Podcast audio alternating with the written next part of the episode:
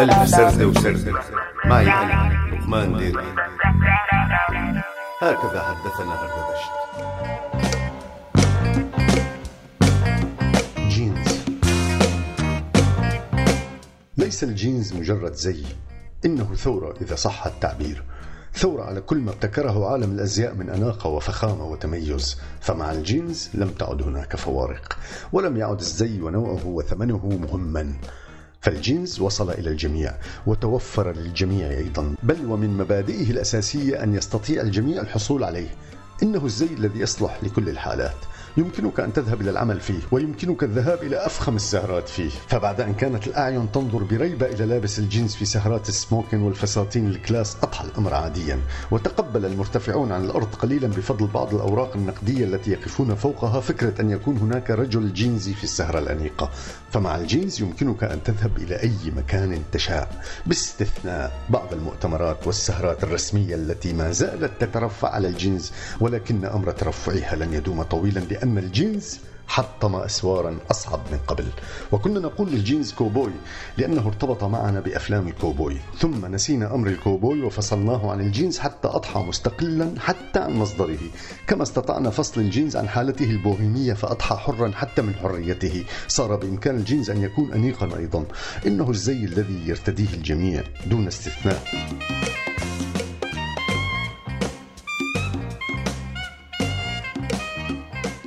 بداية كان الجينز رمزا للحرية وللمواجهة الطبقية فكان من يرتديه يعتبر حكما من دعاة الحداثة والتطور لكن الأمر تطور أكثر ليصبح الجينز هو الحل. فهو المريح والجميل واللطيف. تستطيع النوم فيه إذا كنت متعبا وما عندك مروة تلبس البيجامة. تنام فيه في الحدائق وتذهب بصحبته إلى موعد مهم في الصباح. إذا أردت أن تتخذ مظهرا رياضيا فما عليك سوى أن ترتدي حذاء رياضيا تحته وتيشيرتا خفيفا فوقه. وإذا أردت أن تبدو رسميا فما عليك سوى بحذاء رسمي أسود أو بني تحته وقميصا سادة فوقه. بل ويمكنك كي لا تزعل عشيرتك أن ترتدي فوقه جاكيتا نصف رسمي وحتى وعقال إذا شئت. كما أنك تستطيع أن ترتديه كما هو فلا يعرف أحد شيئا عن منبتك الطبقي والعرقي والإيديولوجي لأنه جينز لا يوحي بأي دلالة عنك من خلاله.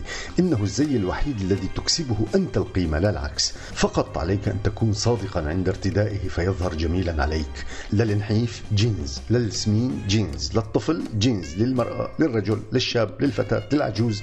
ولكل من يريد أن يرتدي الجينز بصدق يكون الجينز جميلا عليه. أما الذين يريدون من الجينز أن يظهر مفاتنهم فإن الجينز نفسه يكرههم فتراه يصرخ على جسد إحداهن من شدة ضيقه أو على جسد أحدهم من شدة غربته. إنه جينز لا يعطيك إلا نفسه وما عليك إلا أن تعطيه نفسك بالمقابل كي تنسجما حتى في لحظات اهترائه فإنه لا يخونك ولا يدل عليك. فالجينز المهترئ إحدى حالات الجينز التي استطاع فرضها على الجميع فتراه ممزقا ومهترئا ومبخوشا على الواجهات لأنه هكذا جينز يستطيع أن يكون كما يشاء وما عليك عندما ترتديه إلا أن تستطيع أن تكون كما تشاء أنت أيضا.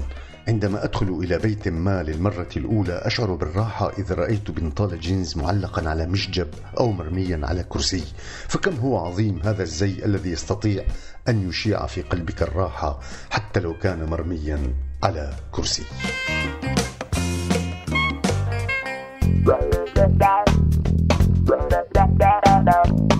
هكذا حدثنا هردبشت كنتوا عم تسمعوا لقمان ديركي بألف سردة وسردة عهوا راديو سوريالي.